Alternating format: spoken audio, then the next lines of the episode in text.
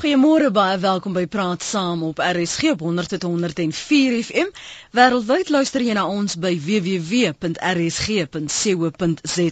My naam is Lenet Fransis. Baie welkom by vanoggend se Praat Saam. Regter Eben Jordaan het reeds 10 van die 20 beskuldigdes wat skuldig bevind is aan hoogverraad in die boeremag verhoor in die Noord-Gautengse Hooggeregshof in Pretoria, uh skuldig bevind. Ons praat vanoggend oor wat is hoogverraad en wie is dan nou die boeremag wat wat na bewering duistere planne sou smee om Suid-Afrika omver te werp. Jy kan saamgesels en onthou soos altyd as jy tweet, as jy jou SMS stuur of inbel dat jy moet motiveer waarom jy sê wat jy sê as jy nou standpunt inneem. 0891104553 0891104553 jy kan gesels met ons gaste jy kan 'n SMS stuur na 3343 elke SMS kos jou R1.50 en jy kan dan ook 'n draai maak op ons webblad www.rsg.co.za of as jy gelukkig genoeg is om wel op Twitter te kuier en 'n rekening het tweet my gerus by Linet Francis 1 ek het al reeds die vraag daar gevra vra. My gaste vir oggend is 'n oud professor in publiekreg by Unisa en grondwetkenner, professor Marinus Wiegers. Goeiemôre professor Wiegers. Môre Lenet. En ons praat ook met professor Mike Houg. Hy's emeritus professor by die departement politieke wetenskap by die Universiteit van Pretoria, ook natuurlik die voormalige direkteur van die Instituut van Sekuriteitsstudies. Goeiemôre professor Houg. Goeiemôre. Professor Houg, kom ons begin by u. As ons ons hoor nou al deur lopend, wel amper eintlik die laaste 10 jaar van die boeremag. Maar maar wie is die boeremag? Wel, ek ek dink daar bestaan natuurlik onsekerheid van ehm um, of in verband met hulle ondersteuningsbasis en uh wie almal aktief daarbey betrokke was en natuurlik die die uh, persone wat aangekla word was die wat waaroor daar ehm um, bepaalde inligting ingewin is ehm um, en wie dan ook beskou is dink ek as die leidende figure hierin. Maar ek dink ons moet onthou dat daar nie 'n enkele ehm um, regse organisasie as mens dit so kan noem na die verkiesing ontstaan het nie. Die geskiedenis daarvan gaan natuurlik terug tot voor die verkiesing waar die die AWB miskien die mees prominente hiervan was en daar was dan ook 'n aantal insidente waarby die um, die AWB betrokke was.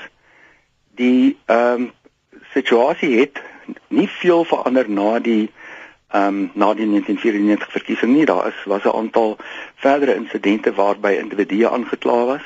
Daar was byvoorbeeld ook die ehm um, plan om die Valdam op te blaas byvoorbeeld en die boeremag dit skyn asof die boeremag hier teen die einde van die uh, vorige eeu hier in die laat 1990s sy ontstaan gehad het. Hier teen 2001 ehm um, is of in daardie in daardie tydperk omtrent is die sogenaamde dokument 12 onder andere opgestel.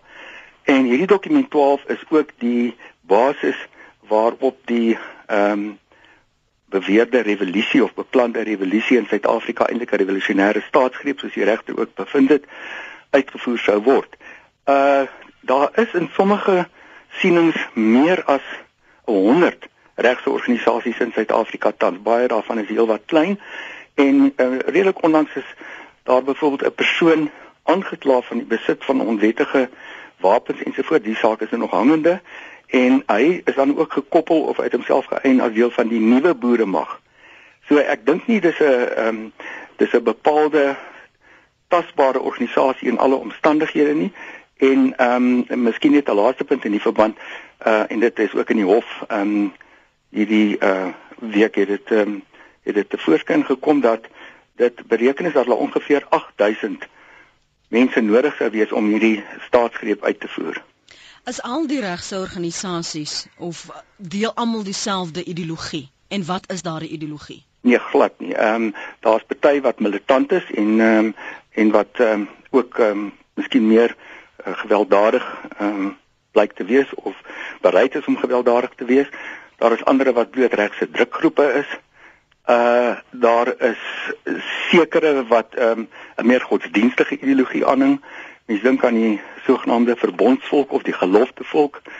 Uh die huidige boeremag skei daar skyn nie so ver in die hof enige aanduiding te gewees het van um enige spesifieke godsdienstige um basis of motiverings nie.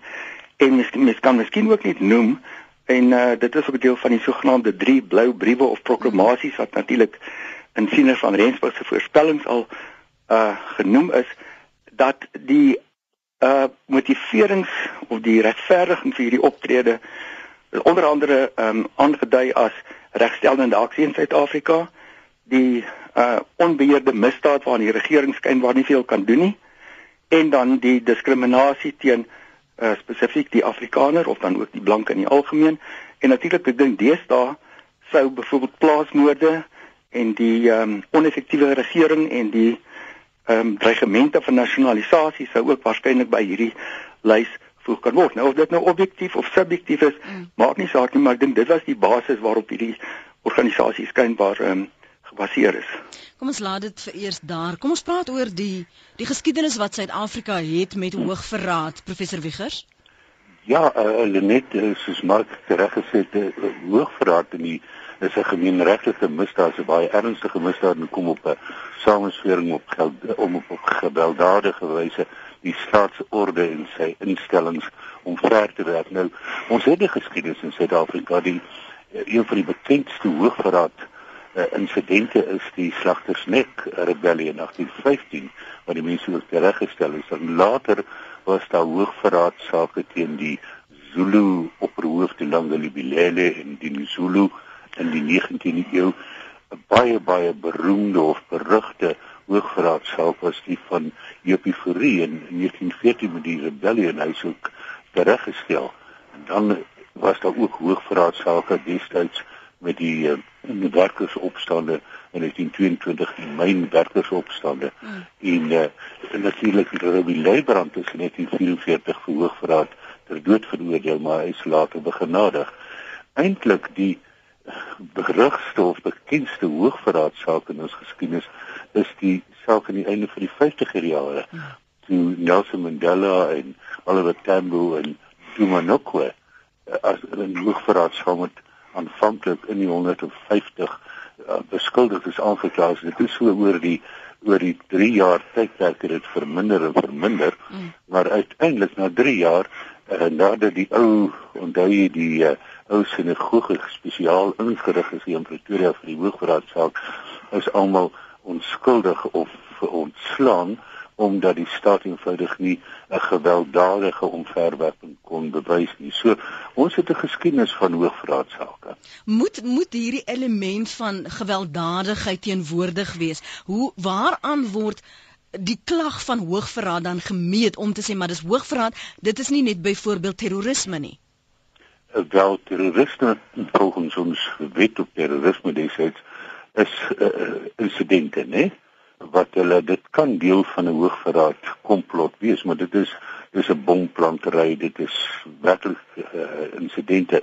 Terwyl hoogverraad is soos ek gesê het 'n sameswering om die totale staatsorde omver te werp. Die gewelddadigheid ja, kom sekerlik daarin want ehm, 'n um, hoogverraad mense kan dit verkondig en hulle kan aangekla word onder ons grondwet dan vir haatspraak en so en daar is 'n duidelike manier om op te tree maar 'n hoogverraad as in sy gemeenregtelike betekenis moet hierdie element van gewelddadige optrede inhou.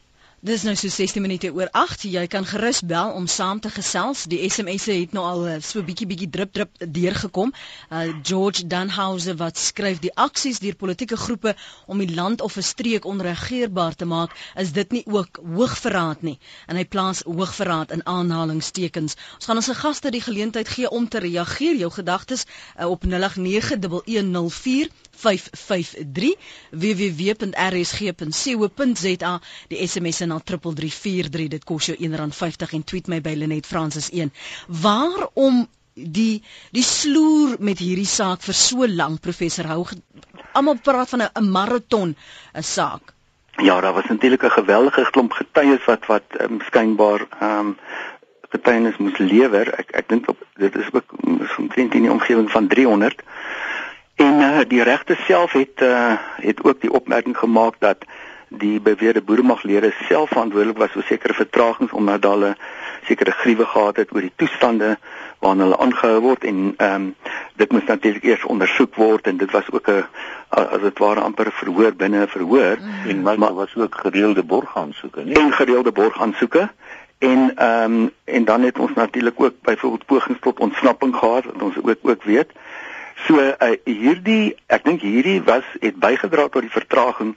Ehm um, maar ek ek ek is seker in uh, dat daar is daar is mense wat wat sou argumenteer dat uh, dat die saak te lank gesloer het. Ehm um, en uh, wat ook al die fondse mag wees vir die wat skuldig bevind word dat uh, dit ehm uh, dit in elk geval nog uh, waarskynlik bykomstig kan wees tot die tydperk waar waar waar aanhouding reeds plaasgevind het. Um, Paul van Nigel is is een van die luisteraars wat binnekort op lig gaan wees en en sy mening gaan deel. Ek wil net vinnig gehoor professor Wiegers, was daar iets wat u wou byvoeg? Nee, ek wil maar net sê die met Mike saamstem die massa getuienis wat daar gelewer is uh, en natuurlik die vertragings het alles meegewerk tot 'n lang verhoor, maar die die boeremaglede self het gesê dit staan in ons grondwet baie duidelik dat strafsaake moet so vinnig as moontlik geskied en dat dit gesloer het, maar in hierdie geval was daar waarskynlik bydraende faktore wat die verhoor so lank gemaak het. Dis 'n interessante mening van Paul. Goeiemôre Paul, welkom by Praat Saam. Uh, Goeiemôre, ek is Paul van der Walt hier van Nigel. Uh, as 'n ou bietjie teruggaan in toe to die uh, nasionale party regering begin onderhandel het met die ANC, uh toe die klerk vir vir PWB te bote oorgevat het uh, hy en sy mense uh, het hulle dit op 'n onwettige manier in elk geval gedoen so so die regering ehm um, die regering wat tans uh, aan bewind is die ANC het op 'n onwettige manier aan bewind gekom. Nou dit was op 'n stadium geopper en en, en toe hulle dit doodges uh, toe dit in die media uitkom het, het almal dit doodges uh ehm um, gesmoel. Uh, um, So my my punt is mm -hmm. dit kan nie hoogverraad wees as ons al reeds 'n onwettige regering in bewind het nie. Goed. As jy volg wat ek Ek hoor wat jy sê. Wil, wil jy aanhou? Wil jy hierdie gaste moet reageer? Gaan jy aan? Um, ek sal by die radio luister. Okay dan, luister gerus by die radio pol daar van Nigel. Jy kan ook so maak op 0891104553. Dis natuurlik een van die verweer van baie wat wat krities staan oor hierdie proses. Wat as ek die regering as 'n onwettige regering sien, dan kan dit mos nou nie hoogverraad wees nie. Wat is u mening daaroor professor Hoog? Wel, ja, dit dit is ook 'n verweer wat deur die beweerde boermaglede aan die begin ehm um, van die saak al al geopper is. Ehm um, maar ek ek dink die die bevinding was daar is 'n referendum gehou. Uh die regering was nie destyds verplig volgens die bestaande grondwet of enige ander wetgewing om so 'n referendum te hou nie. Hulle was ook nie soos uh, die geval is met ehm um, verpligte referendums, mens vind sommige voorbeelde daarvan in Switserland om by die uitslag van die referendum eers te hou nie. Uh maar ek dink as die referendum ehm um, heeltemal teenkanting getoon het teen die beoogde uh nuwe grondwet en onderhandelinge daaroor, dan sou die regering waarskynlik nie voortgegaan het nie.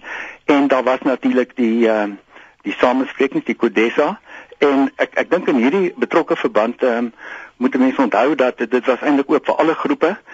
Uh die regse partye het dit natuurlik basies geboikot en ons weet daar was selfs sekere insidente daar.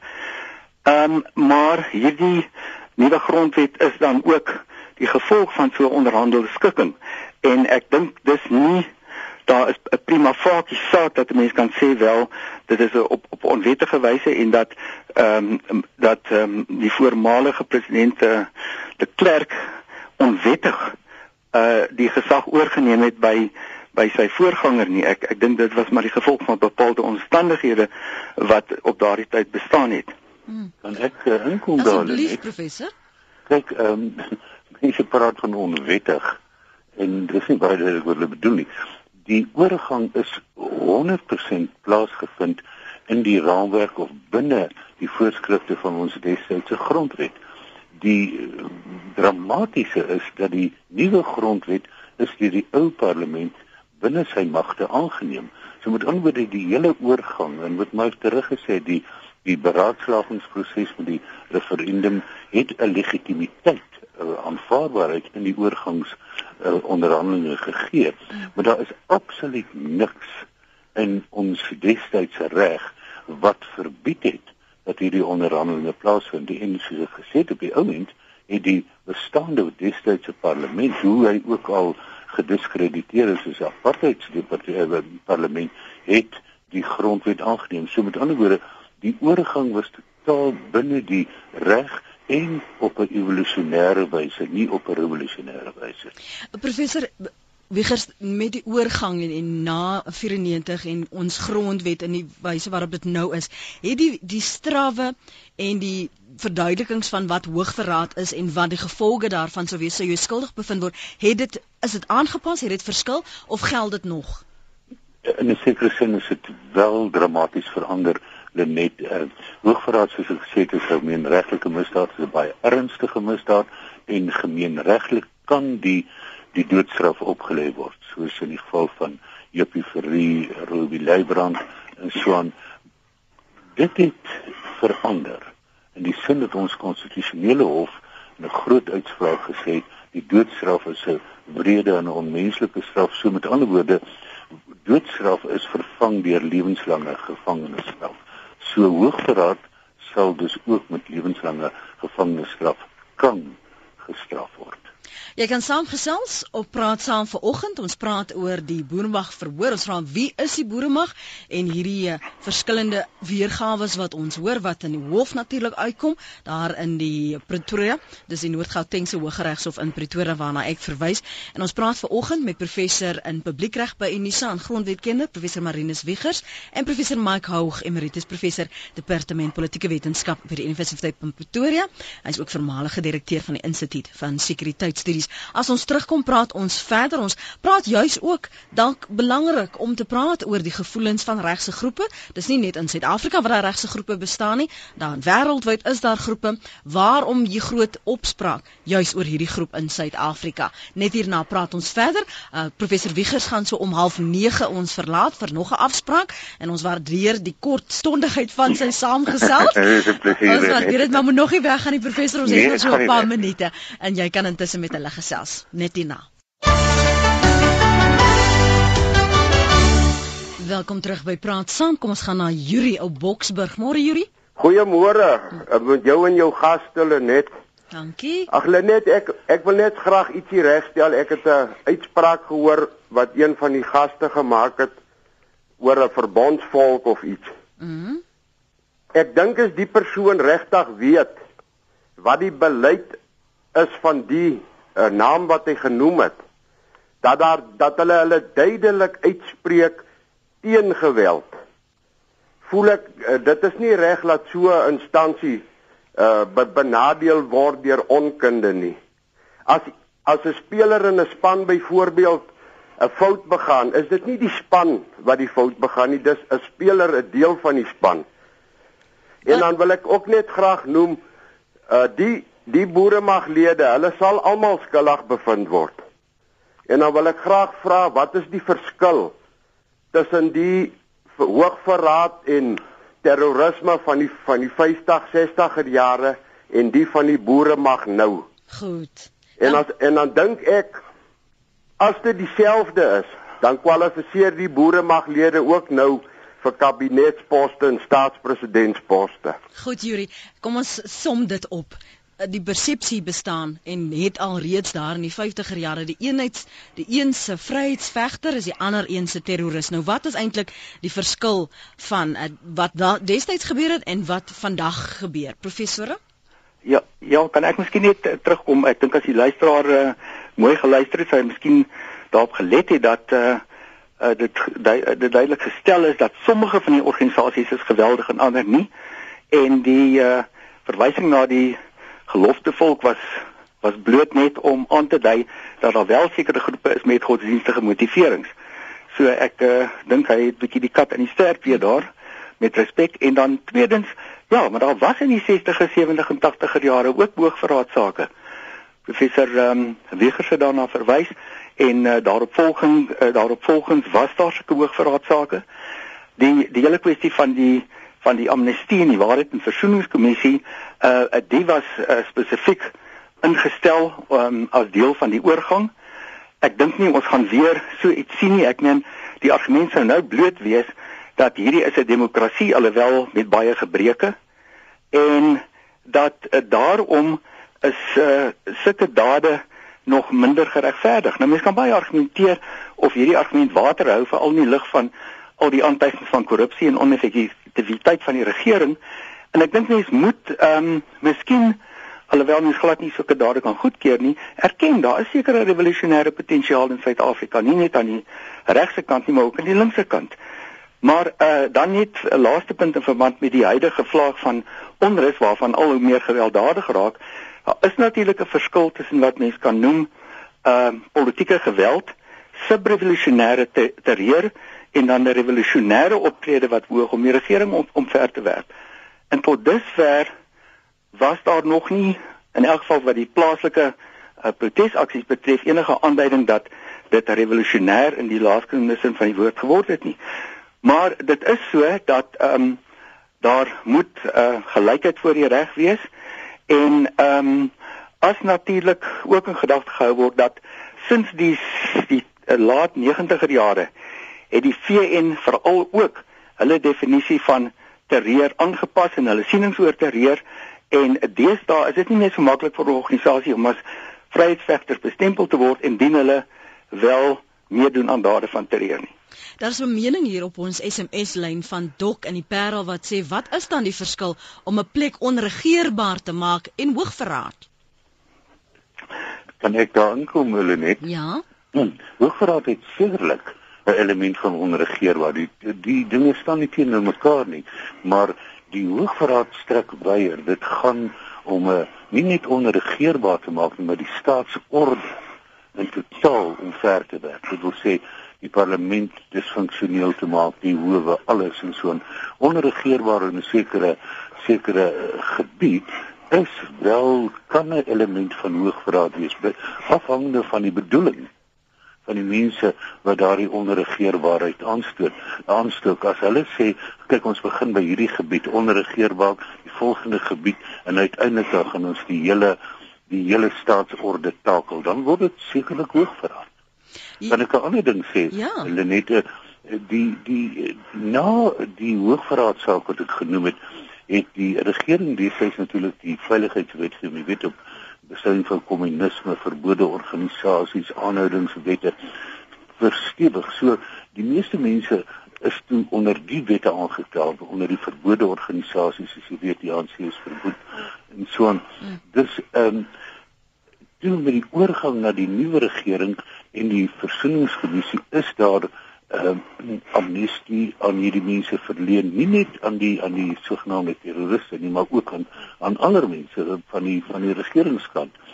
Maar dit is waar dat daar by hoogverraad veral by die strafoplegging en dan die begenadiging 'n sekere politieke element is. Robbie Leibrand byvoorbeeld is ter dood veroordeel, maar toe kom die nuwe regering, die nasionale party bewind en hulle skulping vry, hulle begenadig hom. So daar is voorbeelde.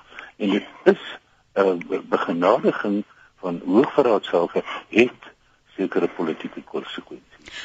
Begryp julle die die impak wat dit het op ons siege in Suid-Afrika? Want sommige het dan 'n eerste uh, ek sal sê 'n eerste bedoel nog jonger was die die ervaring gehad met um, Nelson Mandela en daardie hoogverraadsaak. En nou hulle se kinders wat nou hierdie ervaring het met die boere mag die feit dat dit in 'n demokratiese gemeenskap samelewing gebeur en die aard en die getal mense wat dan nou wel in die hof verskyn op hierdie aanklagtes is dit vir julle 'n verrassing of kom dit maar deels van van 'n demokrasie Ja, ja, as ek mag, mm. miskien ja, ehm um, demokrasie is natuurlik geen absolute waarborg dat daar nie sulke tipe van optredes sal wees nie. En mens moet ook onderskei tussen die wettigheid van 'n regering met ander woorde of die regering verkose is en of daar 'n ehm um, erkende grondwet is en die legitimiteit van die regering. En laasgenoemde word bepaal deur byvoorbeeld onder andere uh die mate waartoe die regering effektief regeer.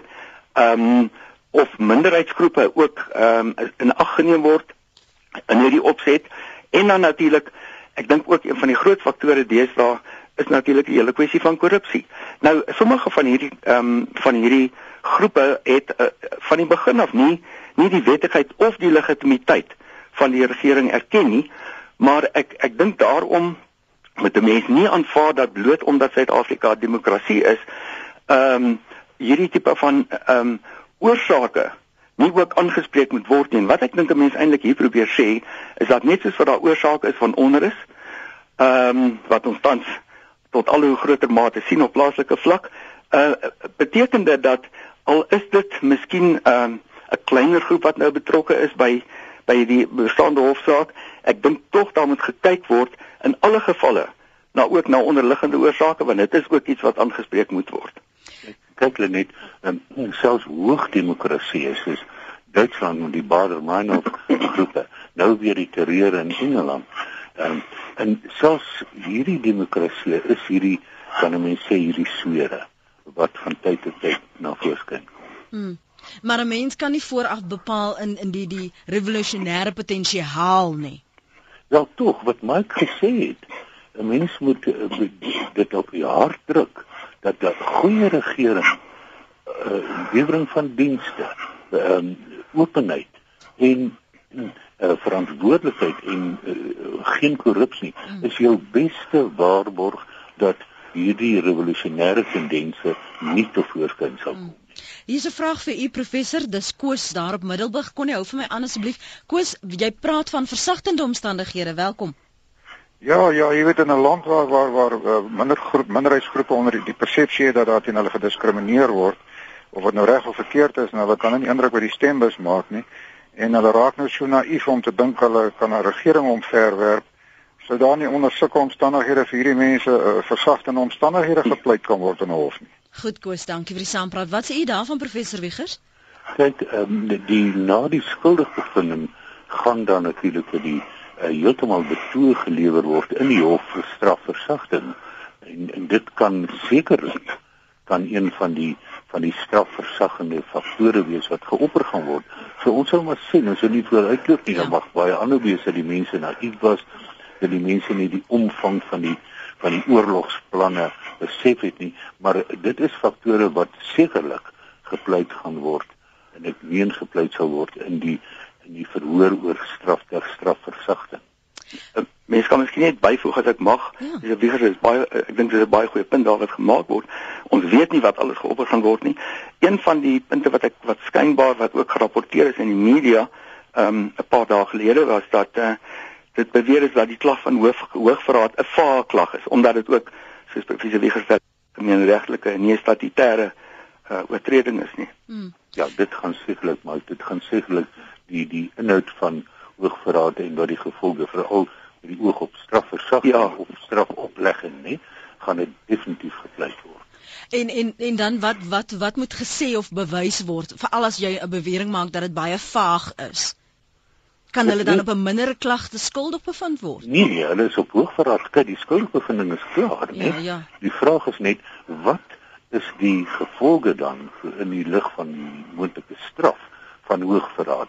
is dit lei dit noodwendig tot uh, lewenslange voorheen was dit uh, was dit die die halsmisdaad geweest en dan sal daar geargumenteer word nee die hoogverraad het verskillende fasette deelname en veral bedoelings hmm. van die verskillende mense so dit gaan definitief gepleit Professor Wieges baie baie dankie vir u tyd en eh, dankie vir saamgesels. Sterkte, dankie. Totsiens Mike. Totsiens, dankie hoor. Goed dan. Ons bly nog by professor Mike Hoog. Hy is natuurlik 'n emeritus professor by die departement politieke wetenskap by die Universiteit van Pretoria. Ek het ook genoem hy's voormalige direkteur van die Instituut van Sekuriteitsstudies. Ons gaan verder gesels, moenie weggaan nie. Ons praat verder met professor Mike Hoog. Nou gaan ons 'n bietjie ook net probeer verstaan die geestelike implikasies van sekere uh van die lede en waardeur hulle gegaan het en dit wat hulle gedeel het uh, soos jy ook tereg gehoor het die hofsaak die gaan voort so daar sekerre dinge wat ons nie aanraak nie maar dit is goed om net 'n bietjie insig te hê in die geestelike en emosionele toestand van hierdie beskuldigdes net hierna praat ons verder moenie weggaan nie Welkom terug by Praat Saam. Dis nou so 20 minute voor 9. Connie, goeiemôre en uh, dankie dat jy aangehou het. Môre net in jou gas daar. Ek is jammer die ander een is weg en ek het uh ook 'n paar uh insette wat ek lewer oor die vorige uh hoogverraad sake, maar julle het dit reeds hanteer. Ja. Uh van Nelson Mandela en en en jou wat ANC lede wat hulle fondse uitgedien het op uh spesifiek Robben Island rondom hoogverraad. Ek dink net net dat hierdie af bewys weer eens En uh, uh, uh dis 'n vingerverwysing en is 'n groot waarskuwing aan sulke groepe om 'n regering omver te werp en hulle gaan nêrens kom nie. Ek ek ek dink uh die enigste oplossing vir enige groep gaan waarskynlik 'n coup d'etat wees, 'n tipe van 'n staatsgreep uh en en hy gaan dieselfde gevolge dra. En ek dink nie een van hierdie groepe beskik oor regtig oor die uh vermoë om dit te doen nie. Uh ek ek dink julle het gepraat van versagting. Versagting kan dalk uh, ter sprake kom dat uh, daar nie uh tot aktiewe dade oorgegaan is nie, dat slegs beplanning was.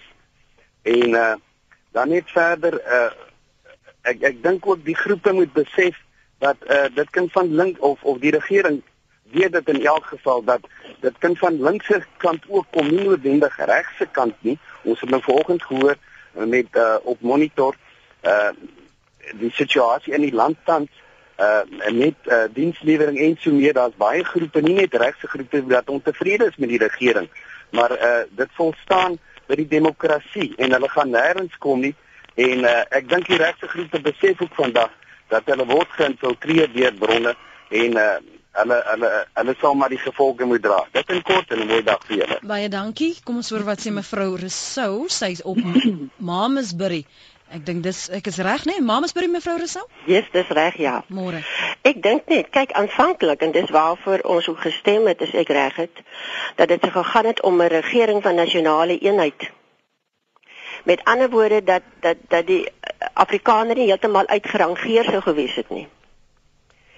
En ek en toe het die klerk hulle mos uitgetrek na 'n jaar of wat. En ek dink net dan kan dinge dalk miskien ook anders verloop het as as wat mm. die situasie op die oomblik is. Want uh, met die verkeerde ehm uh, regstellende aksie, aksie wat verkeerd toegepas is, ek meen dit het baie baie baie slegte goed, uh, tot gevolge. Wat sê u van wat u hoor rondom die hofsaak en die uitsprake en ehm um, die pleidooie en die getal beskuldigdes. Ek weet dit is vir my moeilik om ek het nie daai goed van die begin af mm. alles gevolg nie, maar wat ek nou hoor. Mm -hmm. Ek weet net die denke was mos daar gewees en dit het mos eintlik uit Eugene Terreblanche goed ook gekom dat hulle altyd nog gevoel het dat die twee boere republieke moes moes nie ingewees het nie, maar ek meen dit kom ons nou daar van 1910 af aan. Mm. Maar ehm um, ek meen dit is mense wat seker net net net nie onder 'n swart regering wou gestaan het nie. Mm. Ek meen dit is ek meen dit is baie moeilik vir my en vir hulle te te veroordeel wat dit betref want ja. ek dink in elk geval dat denke tussen hierdie twee groepe is verskriklik verskillend. Miskien nie op die hoogste vlak nie alhoewel jy baie keer verstom is oor besluite wat geneem word. Ehm um, is dit baie moeilik om dan aan publiek sê tussen hakies onderdanig te wees. Mm. Ek meen as jy nou kyk wat hulle gedoen het met daai Myanmar persoon ook in al sulke mm, goede, daar's mm, baie verkeerde mm. ding. Ek meen daar is Zuma se dorpie wat gebou word. Ek meen dit is dit is vir my so 'n absolute 'n uh, denke wat heeltemal na die ander kant toe gaan. Dis moeilik om mamie saam te leef. Regtig waar. Mevrou Rousseau, dankie vir die bel vanoggend. Lekker dag verder. Totsiens. Kom ons praat gou 'n bietjie oor die die aspekte wat ek vroeër die breek aangeraak het en dit die geestelike toestand um, van baie van hierdie beskuldigdes. Ek gesels nou met Sonja Jordaan. Um, sy was natuurlik een van die beraders van een van die beskuldigdes, Kobus Pretorius. Môre Sonja. Goeiemôre Lenet en goeiemôre aan jou baie geleerde gaste daar in die ateljee. Jy's jy's 'n geestelike werker. Ek wil net kortliks van jou kant hoor as jy die geestelike toestand moes beskryf, jou ervaring uit daardie gesprekke met Kobus? Uh nee, net weet jy baie graag wil ek dit met jou deel. Ek wil net darm graag sê. Uh en ek wil dit baie duidelik stel dat ek dit werklik geen verbintenis met die boere mag nie. Nog nooit gehad nie. Ek stem glad nie saam met wat hulle uh menings en hulle sienings is nie. My werk is bloot as 'n geestelike werker. Ek het by Kobus betrokke geraak uh, in Cemax toe hy nog daar was. Nadat hy my gebel het na 'n radiopraatjie wat hy gehoor het. Uh intussen het daar baie tyd verloop en het Kobus soos wat die nuus oral gesê het, het hy heeltemal van mening verander. Hy het 'n gesindheidsverandering ondergaan. En ek sê altyd as ek daarbey betrokke was, sou ek dalk trots daarop kon wees. Maar dit was werklik iets wat uit homself gekom het. Ek staan hom by, my man staan hom onsaglik by, maar dit is swaar Want jy moet verstaan die oomblik die Kobus verander van die ander se mening, uh was hy geïsoleer in die gevangenis. Uh, is hy selfs as 'n verraaier beskou?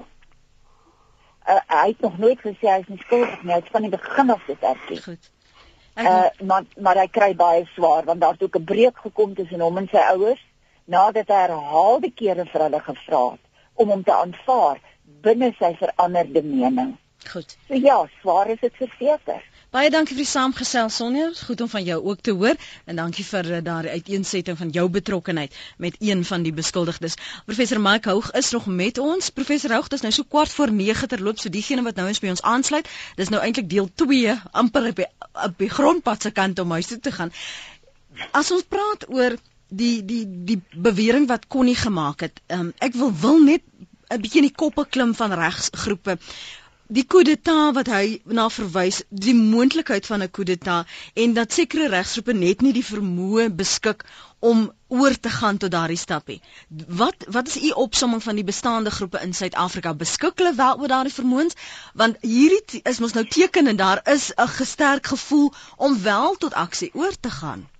Ek moet net baie kortliks um dit noem dat daar drie basiese wyse is om 'n revolusie um teweeg te bring, 'n gewelddadige revolusie met ander woorde om verwerking van 'n regering.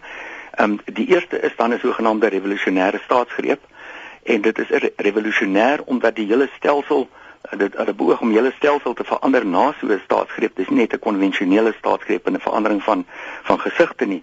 Die tweede sou wees 'n lang uitgerekte revolusionêre oorlogvoering volgens die Mao Zedong en Che Guevara modelle en dit baie van die antikoloniale veldtogte wat ons gesien het byvoorbeeld ook in Angola, Mosambiek was um, op hierdie basis geskwee, ook die van SWAPO en um, die ANC en dan natuurlik wat ons nou weer sien en wat ons destyds gesien het in Iran met die omverwerking van die Shah van Iran en tot die maat in die Franse revolusie is 'n massa-opstand en dit het ons nou gesien in die Arabiese sogenaamde Arabiese lente 'n voorwaarde vir die uh, massa-opstand is natuurlik dat die veiligheidsmagte ook neutraal is of kant kies vir die rebelle en dit is wat tot die mate nou in Sirië gebeur ook in Libië gebeur het.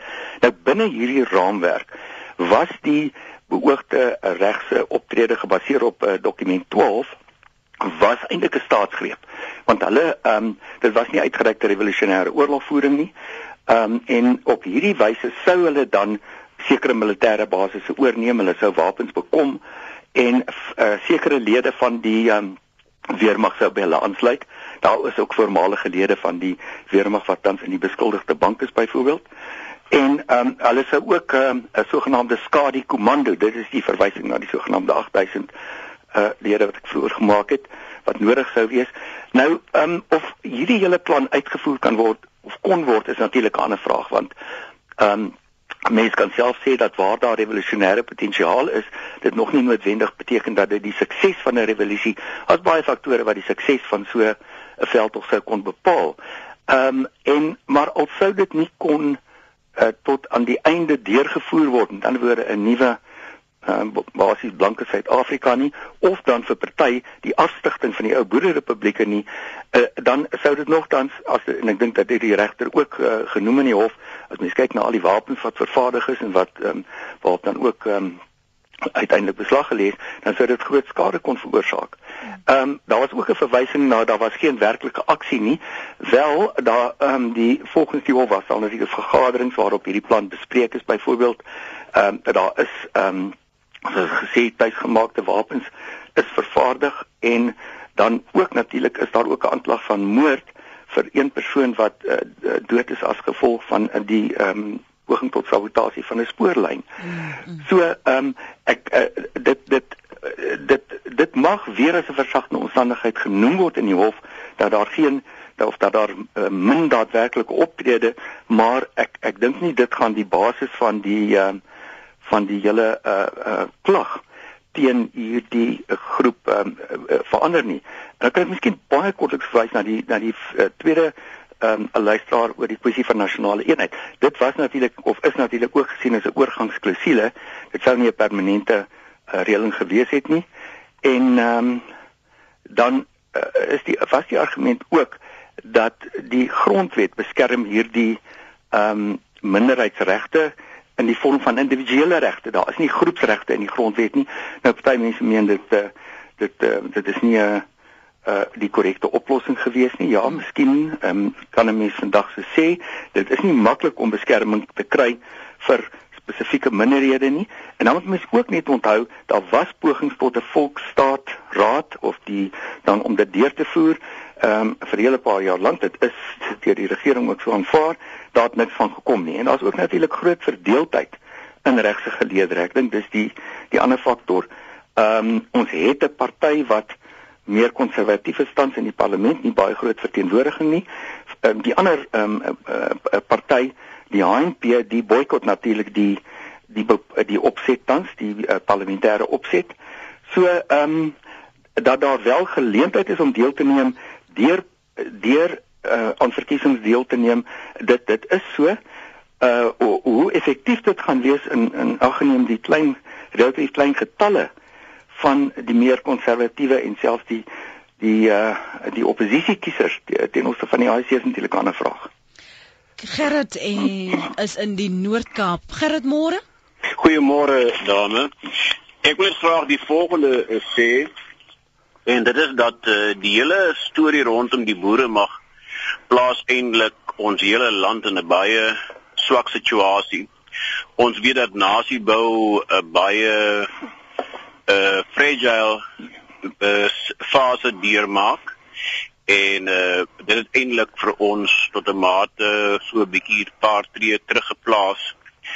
En uh, my bekommernis is dat uh die sentimente wat deur hierdie groep verteenwoordig word ek is net bekommerd dat daar nog slijmerende sentimente kan wees en 'n mens wil vir hierdie mense sê dat uh, alhoewel ons hulle optrede totaal veroordeel mens begrip het vir hoe hulle oor hierdie dinge voel maar dat daar een pad is en daardie pad is om ons land op 'n wendpad te plaas en ons het hulle bydrae nodig. Ek dink ons oppositiepartye het 'n groot rol om te speel in die Noord-Kaap dat hulle hierdie mense met ander sieninge kan akkommodeer Hulle moet die Noord-Kaap regtig verken. Daar word nie genoeg deur oppositiepartye in die Noord-Kaap gedoen nie en uh, hulle het 'n groot rol om hierin te speel.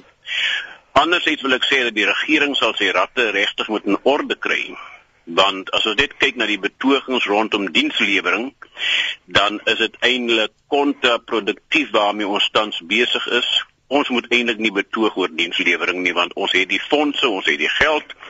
Die belangriker ding is om nasie te bou want die verhoudings tussen wit en swart is maar een uh bousteen wat in orde moet kry of uh, ja, bouwerk wat gedoen moet word. Daar's baie baie meer uh verdagte verdag maak tussengroepe wat ook na wat ook aandag moet kry. Se mense kyk in die gevegte in KwaZulu-Natal en oral oor dan sal ons regering moet die belangrikste ding dienslewering in orde kry sodat hulle kan aandag gee aan nasiebou wat baie belangrik is in Suid-Afrika. Baie dankie Lenet. En baie dankie dat jy die eerste keer ingebel het na praat saam. Ek hoop dis die laaste keer nie. Goed. Lekker dag verder.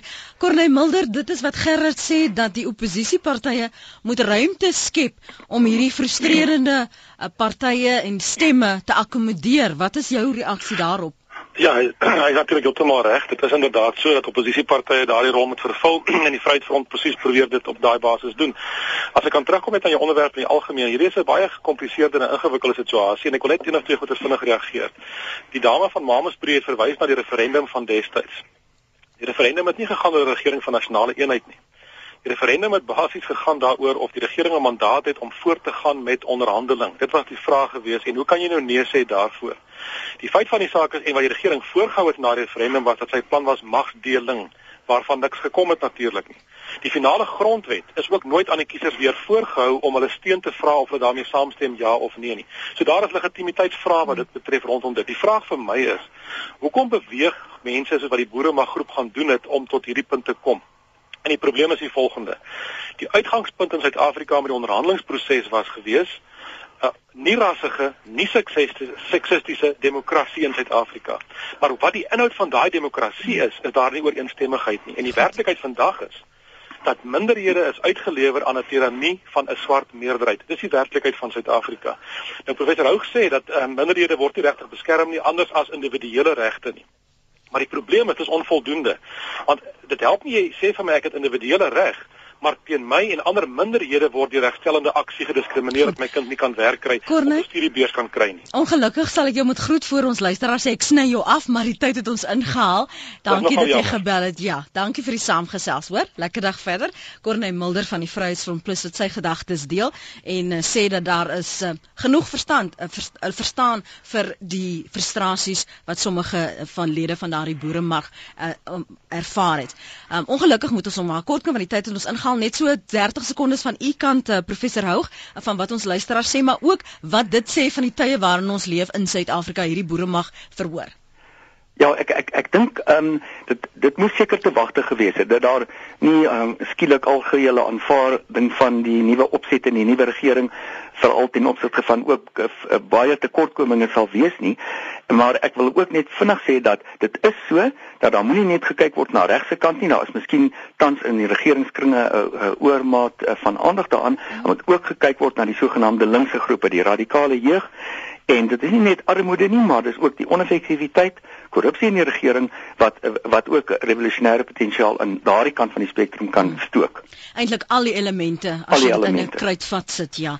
Professor Hoog, baie dankie vir u tyd vanoggend op praat saam. Dis 'n plesier. Mooi bly, totsiens. Net totsiens. Dit was ons gaste vanoggend, eh, professor Mike Hoog en vroeër het ons gesels met professor Marinus Wiegers en dankie ook aan Sonja Rodan vir haar kort bydrae terugvoer oor haar betrokkeheid en met een van die beskul beskuldiges in daardie boeremag verhoor. Jy kan weer na die program luister maak draai op ons webblad www.rsg.co.za.